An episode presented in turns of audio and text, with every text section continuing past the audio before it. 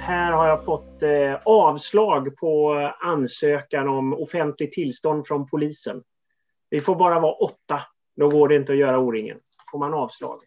Mm. Det är liksom svart på vitt någonstans, att det går inte att köra O-ringen i sommar. Det går inte. Nej, precis. Det är ett litet moment 22 det där. Man, när man söker så, så då bedömer de eh, ansökan utifrån rådande restriktioner. Eh, mm, så man, de kan liksom inte hålla ett ärende öppet egentligen. Så, och samtidigt måste vi söka flera månader innan för att eh, om det är eh, någon annan som söker före oss, då gäller ansökan i kronologisk ordning.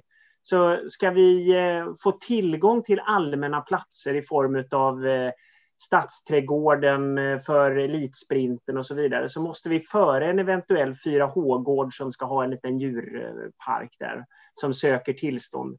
Så vi måste ju söka liksom långt, långt innan, men då i de här pandemitiderna så, så får vi avslag. Nej, nu, nu låter det liksom värre än vad det är. Men så, så byråkratiskt är egentligen polisen. Men sen har jag upparbetat en väldigt bra kontakt med evenemangspolisen här då.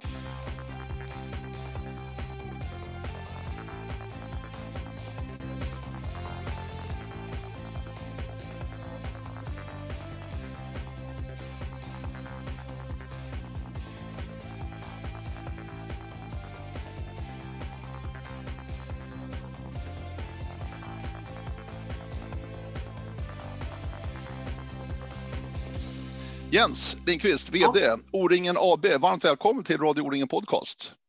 Tack så mycket Per. Jag tänkte att nu är det ändå läge för en avstämning. Det har varit ett oerhört märkligt år. Om vi backar ett år i tiden Jens, då mm. var beslutet att nej, det blir inget O-ringen Uppsala 2020. Och nu skriver vi 2021 och det blir inget O-ringen Uppsala 2021 heller. Alltså, det här kunde man inte se, eller hur? Håller du med mig? Nej, verkligen inte. Det var ju med andan i halsen och med, ja, jag ska inte säga skräckblandad förtjusning, utan det var väl bara skräckblandat som man fattade beslutet eh, för ett år sedan. Då, den 15 april gick vi ut med det. Eh, och då var man ju rädd för att man hade beslutat sig för att kasta in handduken lite för tidigt. Eh, så att det skulle släppa. För det var ju fortfarande de som trodde att till sommaren kanske det släpper. Eh, nu visade det sig att det var ju inget beslut att fatta. Det var ju eh, inte så att man släppte på restriktionerna och, och smittan var i samhället. Sådär. Men, men långt in på hösten så var det väl fortfarande inte så att man tog olyckskorparna som pratade om 21-sommaren riktigt på allvar. Eh, det var väl först eh, egentligen efter nyår och så där när vaccinationsprogrammen eh, eh, kom igång och gick lite trögare och, och så där som den tanken dök upp. Så att nej, det kunde vi inte tro för ett år sedan. Nej. Hur, hur hanterar du det här Jens? Jag menar den professionella sidan, du är ändå vd för O-ringen som ska genomföra O-ringen då varje sommar. Men den personliga sidan, känslomässigt också, måste vara oerhört tungt och tufft sånt här? Ja, det är det. Eh, det är klart. Jag är ju som alla andra, att man oavsett om alla andra i bemärkelsen funktionärer eller deltagare eller eh, inblandade i O-ringen så är detta ju någonting man eh, ser fram emot och och vill uppleva ah, varje sommar, men inte minst då som arrangör. Det är kanske någonting man bara får göra en gång i livet och det var väl min tanke när jag sökte och fick det här jobbet att äntligen vad häftigt att få göra O-ringen. Och så står man inför det ett år med nästan näsan eh, innanför dörren, men så stängdes den förra året. Och så nu samma sak. Så att nej, personligen så är det ju eh, jättetråkigt. Eh, men samtidigt är det ju en känsla jag delar med många. Och om vår devis här i Uppsala eh, handlar om att dela glädjen så är det väl så att också delad sorg blir halv och delad börda blir. Så att när man delar den här känslan med flera, då, får, då blir det ju ändå lite lisa för själen och plåster på såren. Det är lättare att hålla ihop då. Men eh, nej, sen är det ju också så att jag jobbar med, har ju jobbat med detta i heltid och, och då som ett jobb, då är det ju väldigt stor del av eh, mitt liv som påverkas. Eh, som startansvarig och, och planerande för vätskan och så där. Så det är klart att det är jättetungt att inte genomföra och få skjuta upp och kanske boka om i kalendern och så vidare. Men, men som funktionär hoppas jag ändå att de ska hitta motivation och kunna lägga det här åt sidan nu eh, och samla kraft och återkomma och ha annat att göra som man finner glädje åt i livet. Men för egen del så som både eh, projektledare men också VD så gäller det ju att fylla eh, min och övriga medarbetares tid med mening eh, under det här året, ett år till. Och det kan inte vara lätt, alltså lätt att säga Jens, men det kan inte vara lätt. Nej, alltså i och med att O-ringen som organisation har byggt sin verksamhet på en genomförande vecka varje år. Eh, det är liksom huvudsyftet, det enda syftet. Eh, det är att jobba för det och när ett arrangemang är avklarat så börjar man planera nästa och så har man kanske en tre, fyra framåt i tiden som man planerar. Om man inte får göra det, då är det som att släcka elden eh, lite grann kring, eh, kring vilken vi sitter och känner eh, meningsfullhet och glädje. Så det var nog den tyngsta upplevelsen förra hösten, en tisdag i november, när vi var permitterade och, och man inte hade någonting att göra och dessutom när tanken på ytterligare kanske ett år dök upp. Så, så jag skulle vilja säga att när väl eh, ekonomin och man kände att vi överlevde eh, som organisation, då var nog meningslösheten den, den svåraste eh, utmaningen. Eh, och det är det nog fortfarande, även om vi nu, vilket vi kanske kommer in på här, eh, det ska vi ju göra, vad, vad händer i år? Har liksom bestämt oss för att försöka skapa mening eh, istället för att bara lägga locket på som vi gjorde förra året. Mm.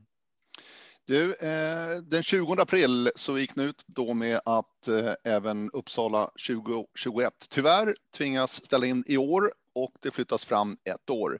Nu är jag och många med ganska nyfikna på hur, hur har arbetet varit här under den här våren? För att ni hade ändå förhoppningar ganska länge att det skulle kunna gå att genomföra det här i sommar innan då verkligheten kommer fatten på något sätt med den här pandemin, att det går liksom inte att genomföra. Men hur gick era tankar till att ändå kunna genomföra ett O-ringen 2021 i Uppsala, Jens? Eh, ja, men vi jobbade på eh, egentligen i två parallella spår kan vi säga från årsskiftet där vi naturligtvis förberedde oss när eh, för det är klart att när man följer samhällsutvecklingen och inte minst liksom vaccinationstakten, smitttalen eh, som aldrig vek i den, eh, enligt den prognos som vårt regionala smittskydd som vi har haft kontakt med sedan hösten Eh, 20 egentligen, eh, så, så började vi förstå att vi behöver planera för att eh, kunna skjuta upp ett år till. Men vi kan inte fatta det beslutet själva utan ett yttre tryck. Och när jag säger ett yttre tryck, då är det ju någon som säger åt oss att det inte går. Eh, för därpå Eh, en sådan utsaga vilar vår möjlighet att få garantistöd. Vi kan inte eh, gå ut och säga nu, nu ställer vi in eh, innan någon eh, då expert, i det här fallet smittskyddet eller Folkhälsomyndigheten eller polisen som ger avslag för en ansökan säger att det går inte. Eh, och det är klart att det var väldigt tålamodsprövande och inte minst utmanande att i en tillvaro där jag personligen tillsammans med alla funktionärer skulle jag nog säga, eh, naturligtvis hoppades, men levde i ovisshet under ja, tre, fyra månader skulle jag vilja säga. Eh, att den ovissheten eskalerade från strax före årsskiftet och så fram då till beslutet eh, fattades. Eh, att under den, de omständigheterna ändå fortsätta jobba och planera var ju dels nödvändigt för att om vi hade fått göra så var vi ju tvungna att fortsätta med jobbet. Men också otroligt eh, ja, imponerande är nästan fel ord, men jag är väldigt ödmjuk när jag tänker på eh, hur lojalt funktionärerna här i Uppsala och Åre och Smålandskusten har fortsatt jobba för att göra ett O-ringen möjligt, om det nu skulle ha gått, trots att man personligen kanske levde i ovisshet. För att vara lite mer konkret då, vilka var de stora problemen att lösa? Jag har varit inne på mycket med polisen, smittskydd och så vidare. Distanseringen ser jag då som en där självklar sak. Oj, det är inte lätt O-ringen, 20 000 pers och distansering mm. de här bitarna. Men vad har varit det kluriga så att säga att ändå knäcka koden någonstans för att ändå kanske kunna genomföra? Eh, den och då ska vi direkt säga att den koden behöver vi säkert vara eh, knäcka även till nästa år, även ja. om eh, deltagartaken är borta och restriktionerna är borta. Eh, men det är klart att vi, precis som alla andra arrangörer, började vrida och vända på vårt arrangemang och se om det var möjligt att Eh, sprida ut det över tid, så som Vasaåket gjorde istället för en vecka, tre veckor eh, kan vi sprida ut det på platser? Kan man dela upp arenan i subarenor för att ha, om nu deltagartaket begränsades till 500 etc. etc. Det var väldigt mycket vi vred och vände på för att skapa en struktur som eventuellt skulle göra det möjligt. Men i slutändan kokade det ner till att det var bara rena spekulationer. Polisen sa att nej men en arena är en arena eftersom ni inte kan begränsa den utan det är en obegränsad eh, yta även om den är stor. Så ni kan inte rita upp på pappret eller snitsla av och, och säga att det är 14 subarenor på en arena utan det kommer att räknas som en arena oavsett. Eh, och vi kan inte ha ett O-ringen-arrangemang igång med en camping i tre veckor och vi kan inte köra tre parallella arenor samtidigt givet att då skulle vi behöva trippelt gånger funktionärer eh, som kör, med mera, med mera. Eh, samtidigt som det också är så att man får gå hem lite grann och fundera på vad är O-ringens kärnvärde?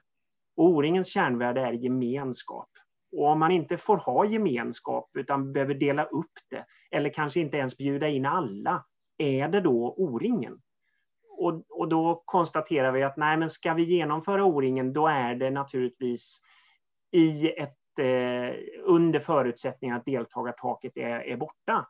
Eh, men smittskyddet sa ju också att vi kommer kulturellt eh, bland eh, våra deltagare Eh, fortfarande att ha ett behov av att kunna hålla avstånd. Så att vi var ju eh, inne på att eh, ta bort alla inomhusdelar, ta bort alla trånga sektorer som nummerlappsutdelningar och förlänga toalettköer och se till att bussköerna kunde hållas långa och man kunde hålla avstånd. Precis på det sätt vi har lärt oss nu i samhället att göra under det här året, så skulle ju vi göra det också. Men man får också betänka att våra ytor, och det sa ju smittskyddet till oss när vi pratade med dem, är ju väldigt stora. Jag tror vi räknade ut att på de arenor vi har här i Uppsala så skulle varje deltagare i så fall ha 10 kvadratmeter eh, om man tittar på det antal som befinner sig på en arena samtidigt. Så det är klart att vi hade behövt ha, och det kommer vi väl att ha nästa år också, värdar på arenan som ser till att anvisa till ytor som är eh, Eh, lediga i bemärkelsen att det inte är så trångt.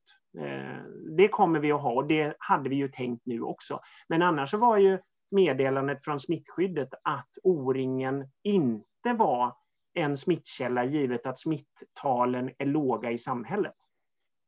Jag är inne på smittskyddet i Uppsala där. Hade ni eller har ni planerat eller planerar då för att också kunna ha testanläggningar, självtest och de här bitarna under själva O-ringen? Eller hur, hur långt gick de med planerna och diskussionerna? Eh, nej, inte i vår regi. Eh, dels är testning väldigt dyrt om vi ska göra det själva. Eh, och sen vad gör man med testresultat under en vecka? Alltså det är helt annat när man har en elittävling där varje landslag befinner sig i en bubbla Eh, man testar varje dag och skulle ett landslag bli, få in smitta i den bubblan, då stänger man av hela bubblan. Men vad gör man med en deltagare som testar sig positivt? Ska man då sätta den i karantän och hela klubben på campingen eh, det blev en logistik som inte gick att hantera för vår del. Däremot så sa ju smittskyddet att eh, om vi hade genomfört det under året eh, nu så skulle det varit bra om vi hade vidtalat vårdcentraler eh, med möjlighet att ta emot eh, för att testa smitta om det var öppet. Och det är det ju i samhället, man kan ju gå och testa sig. Eh, men inte i vår regi. Det är för stort och ja, vi vet inte vad vi ska göra med resultatet helt enkelt. Man kan Nej. inte sätta en enskild människa i karantän på, på det sätt som man kan på elittävlingarna. Alltså, det, man kan inte jämföra det vi har sett på tv och det vi har följt inom idrottens elitdel med det som är på, på O-ringen. Mm. Eh, jag tänkte andra detaljfråga också som jag har fått från någon kompis som frågar mig hur ni har diskuterat om det skulle bli ett eh, O-ringen här i den här pandemitidens eh, varv verkligen. Och det är starttider. Hade ni tankar på att skapa, som vi inom orientering var duktiga på i höstas och även nu under våren, skapa tidsslottar då på dagen så man vet att det är 50 personer som ger sig ut den timmen och så vidare. Var det också någonting ni har diskuterat på kansliet där? Eh, ja, Eh, men då kan vi säga direkt att eftersom restriktionerna fortfarande gäller start, bana och mål så spelar det ingen roll. Vi kan inte få ut Eh, dels får vi inte dela upp på våra åtta starter som åtta olika områden, eh, utan allt är ett. Hela O-ringen är ett arrangemang. Så inte av den anledningen att vi skulle klara oss från restriktioner eller lag och ordning, utan mer för att deltagarna återigen skulle känna att det är utspritt och att det finns möjlighet att hålla avstånd. Så var vår tanke, och det är väl en tanke vi inte har släppt än, vi får väl se hur läget är till nästa år. Dels att förlänga startdjupet med en timme eller två. Eh, och dels att de fria starttider som ju vi har med stort, eh, stor glädje från våra deltagare i kortklasser inte minst och motionsklasser Eh, har introducerats så kanske man inte tar bort de eh, fria starttiderna helt och hållet, men att man bestämmer att du får en dag med tidig start mellan 8 eh, och 10 och så får du en dag med startdjup mellan 10 och 12.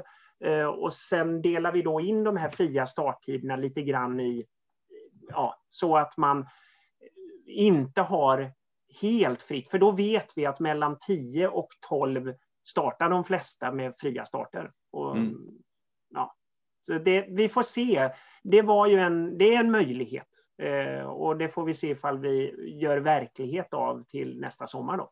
Mm. Har, har, du känt också, för det har vi pratat om under den här pandemin, att kreativiteten har ju verkligen blom, blom, eh, blomstrat på något sätt hos många för att man måste bara hitta nya lösningar, nya möjligheter för att kunna genomföra det man vill göra. Det är inte bara orientering, det gäller ju allting egentligen. Har det också känts i ert arbete här med O-ringen att det är nya tider, vi måste tänka lite annorlunda och att det kanske kan generera, som du är inne på här då med start till exempel, nya och kanske smarta lösningar för framtiden? Absolut. Eh, det, eh, har jag både upplevt eh, i form av alla förslag som har dykt upp och alla diskussioner vi har haft. Utmaningen för O-ringen är väl att kreativiteten inte är så lätt att omsätta med en sådan enorm koloss som O-ringen. Eh, det är väl lite lättare när man står inför ett arrangemang där man faktiskt på marginalen ser att det är möjligt att eh, ha två arrangemang samma dag med 150 i varje och, så vidare. Men, men till slut så kommer vi ju till att det är 20 000 här. Eh, och det är svårt att vrida och vända på det. Eh, och när det i slutändan då ändå handlar om att det är ordningslagen som, som gäller för oss så, så faller det ibland på sin orimlighet och då går det inte att vrida sig ur led för att klara det. Men, eh, men jag tänker också att vi, vi ska ju behålla deltagarna i vårt fokus och och vi vet ju väldigt väl vad de vill och hur de tänker, men nu får vi addera en faktor som vi inte har haft tidigare, nämligen att de kommer fortsatt att vilja kunna hålla avstånd, tror jag, eh, under eh, nästa sommar och, och somrarna som kommer. Och det får vi ju fortfarande ha med oss. Man vill inte kanske gå in i ett trångt utrymme där det står jättemånga om jag inte kan hålla avstånd. Så vi får försöka lösa det. Mm. Bussköer tänker jag på direkt. Bussköerna är ju eh, inte så svårt. Alltså det gäller väl att planera bara för att de är lite längre eh, och att man kan hålla avstånd. Och själva bussningen då, där håller vi oss till de regler och restriktioner som gäller för eh, kollektivtrafiken. Och i och med att våra resor inte är över de här 90 minuterna för långfärdsbussar när man då fick krav på sig att ha halvfulla bussar så behöver man egentligen inte ha det. Eh, samtidigt som vi planerade för att utöka busskapaciteten med någon buss per kolonn och köra med lite mindre tryck i varje buss. Eventuellt också att man rekommenderade munskydd i bussarna, ungefär som Vasaåket gjorde eh, när man transporterade sina deltagare mellan Sälen och Mora. Eh, men eh, där kommer vi att följa de eh, rekommendationer som finns. Och mm. när man pratar om Uppsala så finns det ju faktiskt en möjlighet att cykla till alla etapper för de som bor på Oringenstaden eller i närheten därav. Och det är klart att vi kommer ju att verkligen, verkligen påpeka för våra deltagare att ta den möjligheten. Försök att ta med er cyklar. För då blir ju trycket på bussningen ännu mindre. Men det är lite upp till var och en då. På tal om deltagarna Jens, hur har engagemanget varit? Har ni fått mycket tips och gör så här? Vi vill gärna komma i sommar. Liksom. Hur är engagemanget bland deltagare? Eh, inte så mycket som man kanske skulle kunna tro. Jag tror eh, att man faktiskt får sätta O-ringen i perspektiv med pandemin och vad den har slagit ut här. Och jag tror inte att O-ringen är det första våra deltagare tänker på. Man tänker på sin klubbverksamhet som inte får genomföras och sina nationella tävlingar och närtävlingar. Och det tycker jag är en rätt tanke. Jag hade blivit lite förvånad faktiskt mm. om det var så att man hade tänkt på O-ringen först och främst. Eh, vi kommer nog sist i kön kan jag tänka och bör också göra det när man släpper upp det hade varit förmätet av oss att, sätta O-ringen högst på dagordningen. Det är ju ändå så att eh, till 99 procent så är det ju eh, den vardagliga idrottsverksamheten i våra föreningar eh, som behöver komma igång och det är det som, som är den stora risken för folkhälsan och för, för det ideella engagemanget och, och föreningsverksamheten. Det är inte O-ringens genomförande. Det är som grädden på moset. Mm. Du, eh, annars att flytta, ni gjorde det förra året och ni flyttar inte bara Uppsala utan det blir en viss kedjereaktion här i och med att arrangemangen ligger på rad här och bara väntar och nu blir det ytterligare en flytt här. Eh, lite kortfattat Jens, alltså, det är ingen lätt manöver det här. Det kan inte vara Jag tänker både på arrangemanget förvisso, men vi har ju boenden och allt den här, den här sidan som ju är jättestor verkligen när, när det kommer till O-ringen. Mm. Ja, det är det. du har nog uttryckt det minst så som vi har upplevt det och känt det. Det är en stor manöver att eh, eh, skjuta fram allting. Och ju närmare i tid ett arrangemang står, alltså Uppsala främst året därefter, så blir ju arrangemanget mindre flexibelt. Eh, vår arena och våra arenor och tävlingsområden och lösningar i form av O-Ringen stad och boende och, och, så vidare är ju beroende av eh, att eh, skogarna står kvar och inte avverkas eller angrips av granbarkborre eller att åkrarna står i vall och där växtföljder är brutna och, eh, och så vidare. och så vidare. Det är ju inte som ett eh, gatlopp där kanske det renoveras i något kvarter och så drar man om eh, sträckningen lite grann, men det går på samma gator varje år. Eh, här behöver vi ju säkra upp eh, tillstånd och markägaravtal och, och så vidare. och Så vidare. Så att nej, det är en jätteapparat. Eh, som som vi var väldigt glada över lyckades förra året och eh, som ser ut att gå bra även i år. Men det måste ändå vara så att förståelsen måste ändå vara ganska stor hos alla inblandade. Alla vet varför.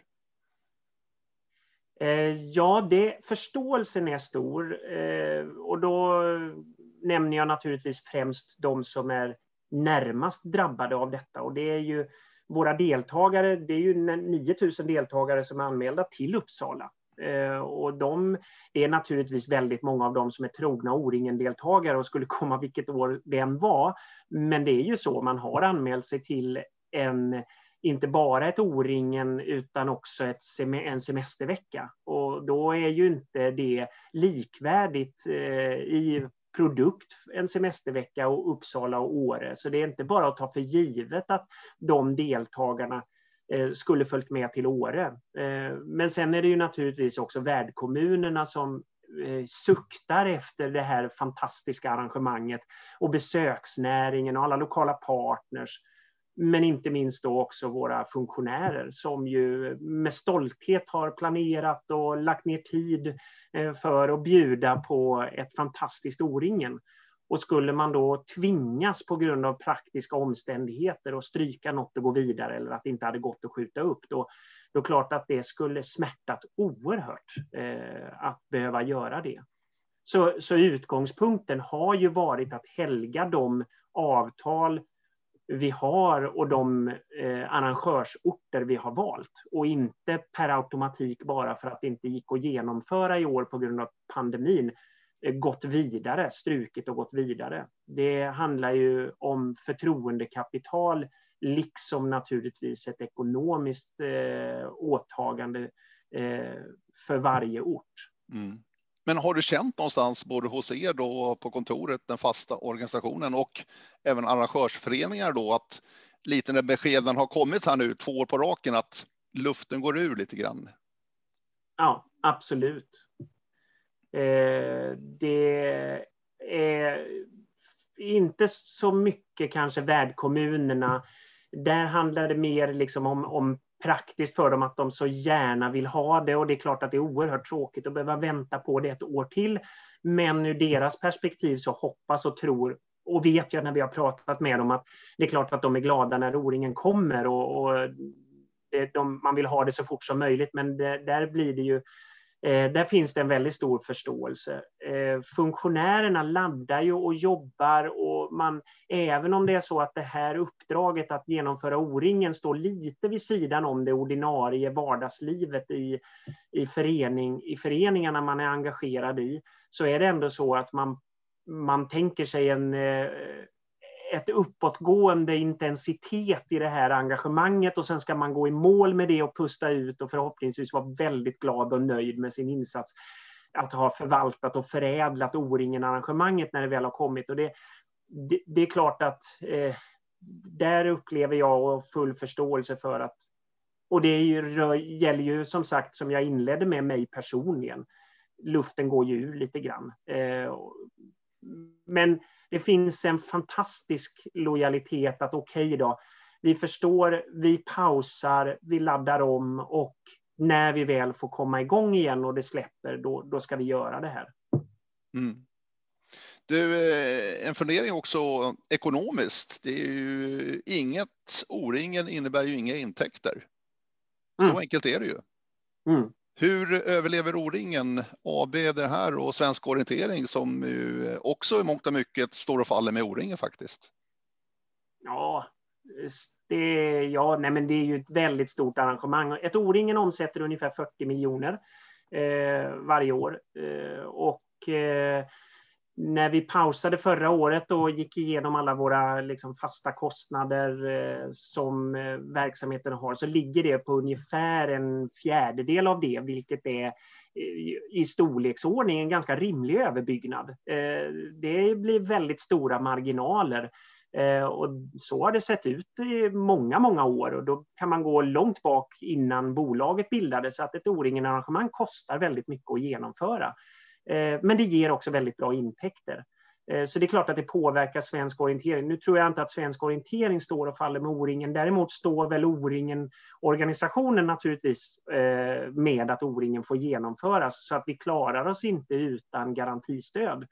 Vi fick ju medel som tilldelades idrottsrörelsen och fördelades via RF förra året Eh, så att vi, eh, vi överlevde 2020 mellanåret eh, på ett väldigt bra sätt. Och det var inte bara tack vare garantistödet utan för att vi låste och frös alla möjliga kostnader. Vi permitterade ju medarbetarna under ett halvår. Vi eh, frös alla fasta kostnader vi kunde eh, för att eh, göra oss så små som möjligt i kostym. Eh, så det var ju en väldigt stor insats. Eh, men eh, men det, det här året, det kräver ju det också. Eh, så utan stöd från, eh, från det allmänna, alltså staten, i någon form så kommer det inte att gå. Men det finns väl ändå, det kommer att bli något liknande i år, va? det är väl ändå känslan Jens, de signaler som har kommit ifrån eh, statsmakten, alltså regering och riksdag? Ja, eh, jag sitter inte här och är orolig idag. Eh, jag sitter nog här med med en känsla av att eh, minst det som var förra året. Det är ju beslutat att Riksidrottsförbundet ska få tilldelat fram till och med sista juni till sina verksamheter. Visserligen med ett visst fokus på barn och ungdom och kanske att man justerar lite grann i kriterierna. Jag tror inte det stoppar där. Man kommer att följa utvecklingen inom idrottsrörelsen och rädda idrottsrörelsen.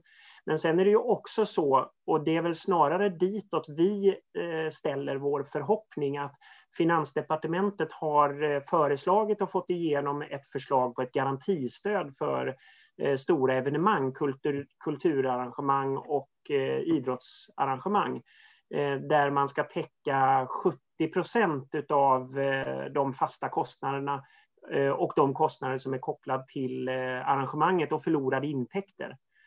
Och det är, en betydligt, det är ett betydligt bättre stöd än vad vi fick förra året. Så om vi, nu ska jag verkligen eh, lägga in en brasklapp här och så får man väl ta i trä och, och så vidare. Det har ju, vi har ju sett att de här stöden ibland har formulerats på ett sätt som har gjort att man faller mellan stolarna. Så att eh, jag ska inte ropa hejen, men det ser... Ja, jag, jag sitter här med, med god tro om att vi ska få det stödet. Mm. Och vi, vi är inte i en situation där vi likviditetsmässigt är på obestånd. Det, det, det, så att eh, vi, vi kommer, får, får vi det här stödet, då, då, då kommer vi att klara det. Mm. Mm. Men eh, korttidspermittering och så där, det fortsätter även på kontoret för O-ringen och de anställda där? Ja, vi, vi får se det nu. Nu är det ju faktiskt så att vi i talande stund där du och jag Per fick reda på, på en presskonferens i eh, förmiddags att eh, permitteringsmöjligheten förlängdes med ytterligare tre månader. Eh, juli, augusti och september. Eh, fram till och med det eh, beskedet så var min bedömning att vi inte kunde utnyttja permitteringsstödet eftersom det är väldigt mycket att göra i en organisation när man eh, skjuter upp. Vi behöver omförhandla alla avtal och vi behöver säkra upp koncepten och dessutom jobba med justeringar av koncepten. Och eftersom ja, så att jag, jag har inte bedömt att det varit möjligt att permittera så som vi gjorde förra året eh, direkt vid beslutsdatumet och framåt. Eh, men vi får, eh, vi får göra en värdering av eh, årets verksamhet och de aktiviteter vi nu eh, säger att vi ska göra och se om det är hundraprocentiga tjänster eller om det är så att vi kan utnyttja det permitteringsstödet. Jag låter det vara osagt, men vi ska naturligtvis både värdera eh, kostnader och intäktsmöjligheter. Eh. Mm. Du, eh, på sikt här, nu hoppas vi alla att ta i trä och cross our fingers för att det blir ett O-ringen 2022 i alla fall. När nu ja. bara åren rullar på här, tyvärr utan O-ringen på somrarna. Men, men vad tror du Kan du se några direkta konsekvenser av två inställda somrar vecka 30 O-ringen inför 2022 då, som vi nu ändå tror och hoppas ska kunna genomföras. Vad, vad, vad tror du det kommer få för konsekvenser inför ett O-ringen som öppnar upp och välkomnar igen? 10 000 kronors frågan? Ja, eller ska vi säga jo, jag förstår det. 000 kronors frågan eller 40 miljoners kronors frågan. Alltså, eh, ja, ja, det är klart att det finns två stycken tankar att hålla i huvudet, två scenarier här. Ett scenario är att eh, vi har varit borta från arenan eh, så länge, då, två år, att det har blivit ett ändrat beteendemönster. Eh, man kanske inte man har hittat hemesteralternativ. För vår konkurrent är ju inte ett annat lopp någonstans. Eh, utan vår konkurrent är ju alltid en annan semestervecka. Eh, det har man ju varit tvingad till två år på raken här nu att eh, hitta. Eh, och, men samtidigt så kan det ju också finnas ett väldigt stort uppdämt behov. Och när vi tittar lite grann på vår, våra deltagare kontra kanske andra stora evenemangs deltagare så har ju vi en annat förhållande till våra deltagare. Det är ju orienterare, det är orienteringsrörelsen som kommer. Visserligen tar man med sig sina anhöriga som kanske inte springer mer än O-ringen och tvingas med på den där semesterveckan och bo i husvagnen en vecka. Eh, men det är ju en kärnan och utgångspunkten är våra föreningar och deras föreningsverksamhet och därmed så tror jag ändå att lojaliteten till O-ringen som företeelse och, och eh, inte minst efterfrågan på det, den överlever två år. Eh, och kanske ännu längre om det skulle vara så. Men det är klart att om samhället eh, blir mer, eh, fortsätter leva under restriktioner Eh, Eh, begränsningar där stora evenemang eh, behöver anpassas etc. Och vi konstaterar att nej, men det är svårt att, att ha ett så stort evenemang eh, på samma sätt. Då, då, då, vet vi ju inte. Då får vi se om, om det är så att det påverkar. Men, men jag, är, jag är trygg med att orienteringsrörelsen längtar tillbaka till O-ringen och att den längtan inte har fått sig en törn för två år. Det jag tänkte lite grann på Jens var att eh, efter två års uppehåll då, då blir det liksom tre år sedan senast. Då finns det en möjlighet att kanske omformatera O-ringen lite grann, fräscha upp det, eh, ta nästa steg. Är deltagarna mogna detta eller är deltagarna en grupp av människor som ah, vi vill ha det som det har varit? Där, då är vi trygga. Eh, jag var ju med på den tiden och jobbade på den tiden och man lanserade en devis för svensk orientering som hette Idrott för nytänkare.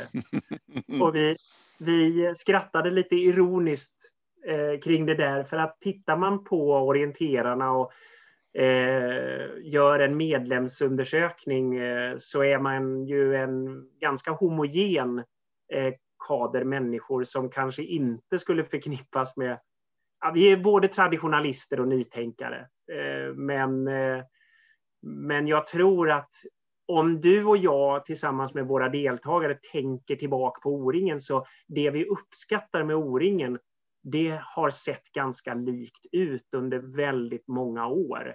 Eh, det är gemenskapen i klubben på en camping eh, där man firar en etappsegrare vid långbordet eh, och där man umgås med sina vänner från när och fjärran, där man springer fem dagar i en fantastisk eh, natur oavsett var det är och där man tampas med sina konkurrenter från när och fjärran.